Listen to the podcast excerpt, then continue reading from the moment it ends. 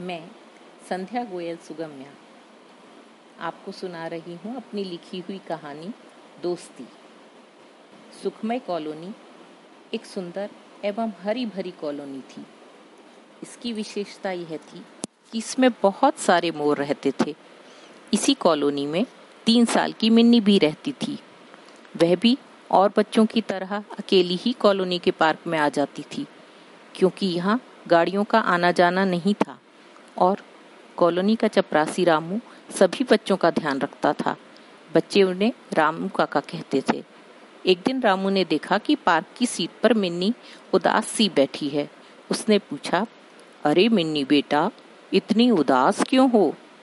मिन्नी बोली, रामू काका, हम मोर से दोस्ती करना चाहते हैं। हम उनके लिए अच्छी अच्छी चीज़ें लाते हैं खाने की, पर वे हमसे लेते ही नहीं। अच्छा तो ये बात है। लेकिन मोर से दोस्ती करना तो बहुत आसान है, रामू काका ने कहा।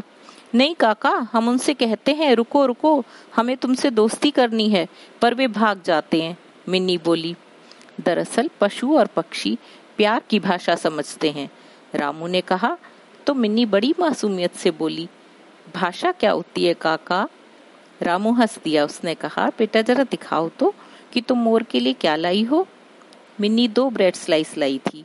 रामू ने एक ब्रेड स्लाइस मिन्नी को पकड़ाया और दूसरा अपने हाथ में रखा और मिन्नी से कहा कि बिना आवाज़ किए वे उसके साथ साथ आए।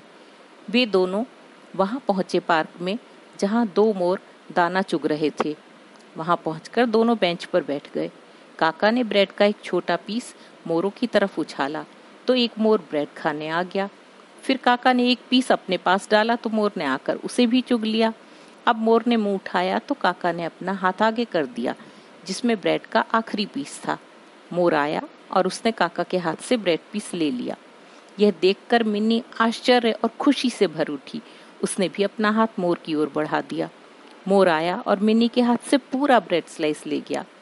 दूसरा मोर भी आ गया और दोनों ब्रेड खाने लगे। मिनी खुशी के मारे ताली बजाने वाली थी, लेकिन काका ने उसे ऐसा करने से मना कर दिया। ताकि शोर से डरकर मोर भाग ना जाए। अब काका ने धीरे से मिन्नी को समझाया, देखो मिन्नी, ये पशु पक्षी प्यार की भाषा समझते हैं। हम इनसे प्यार से पेश आए तो ये हमारे दोस्त बन जाते हैं। आज मिन्नी बहुत खुश